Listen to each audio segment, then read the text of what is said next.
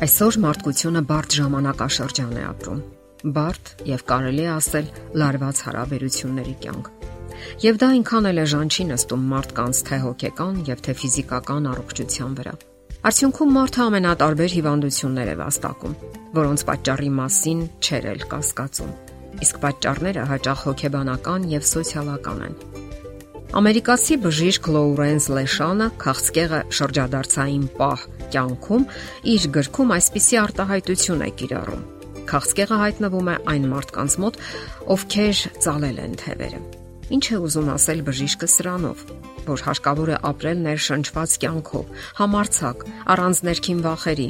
առանց անիմաստ տագնապների եւ չափազանցված սթրեսների Սա նշանակում է ապրել լավատեսական, հույսերով, ապագային միտված կյանքով։ Բժիշկը պնդում է, որ քաղցկեղը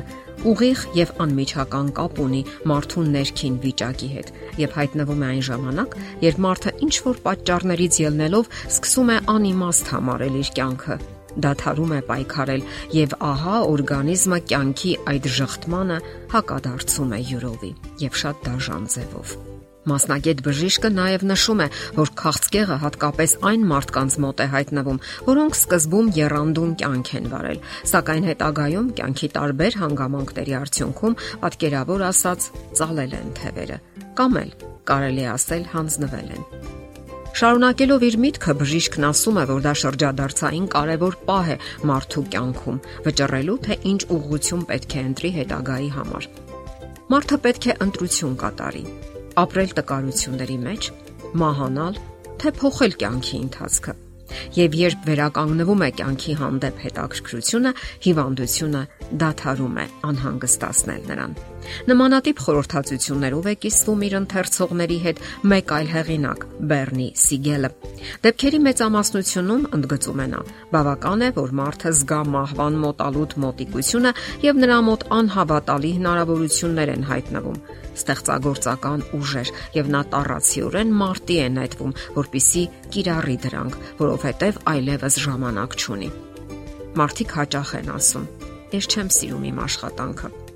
ձանձրացել եմ։ Իրավաբանի աշխատանքը սրտովս չէ։ Ես երազում եի երաժիշտ դառնալու մասին։ Իմ ընտանեկան կյանքը սپانում է ինձ։ Երբևէ կգա նաև իմ աստղային ժամը։ Իսկ երբ մարդիկ իմանում են, որ անբուժելի հիվանդություն ունեն, շատերն այսպես են ասում. Ինձ 1 տարի ժամանակ է մնում ապրելու։ Ավելի լավ է իրականացնեմ իմ երազանքները։ Որքան էի երազում գնալ Եգիպտոս, շոշափել փարավոնների բուրգերը, Կարող եմ կարգավորել իմ ընտանեկան կյանքը։ Գրել այն գիրքը, որ երազում էի գրել կամ հենց հիմա է ժամանակը լրջորեն ուսումնասիրելու եւ սկզբից մինչեւ վերջ գոնե մեկ անգամ կարդալու Աստվածաշունչ գիրքը։ Եվ ահա անցնում է այդ 1 տարին։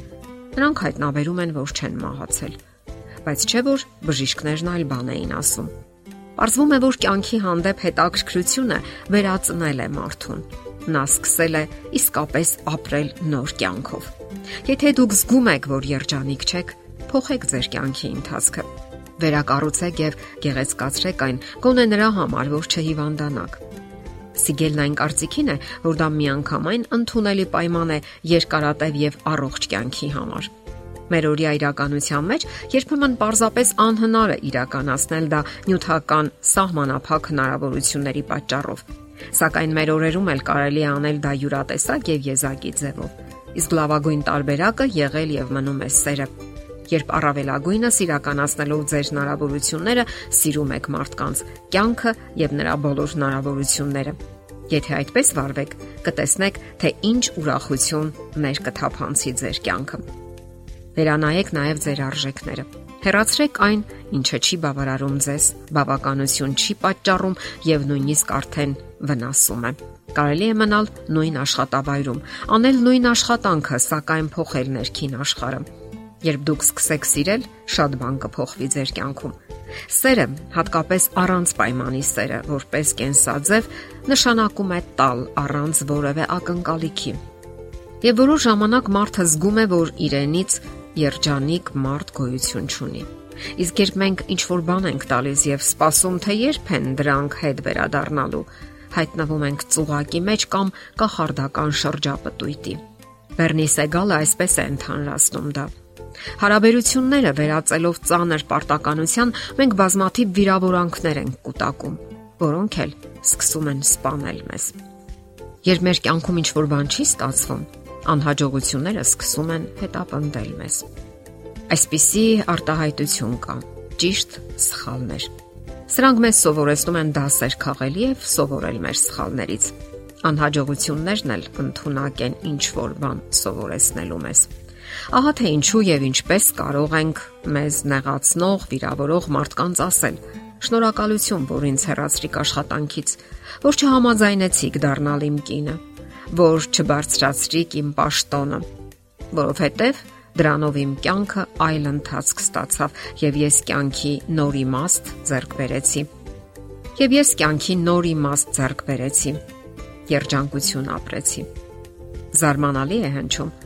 սակայն Չէ որ կորցնելով մի բան, մենք ուրիշ հարաբերությունների մեջ ենք մտնում եւ ավելին ենք գտնում՝ սեր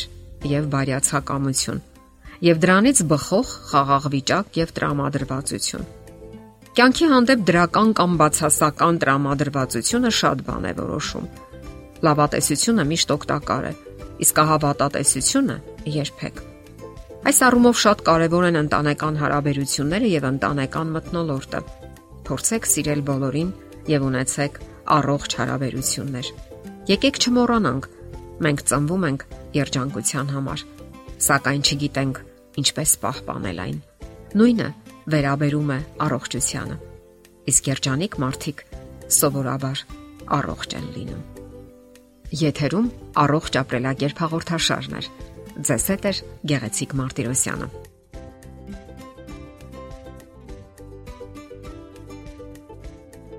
Հարցերի եւ առաջարկությունների համար զանգահարել 033 87 87 87 հեռախոսահամարով։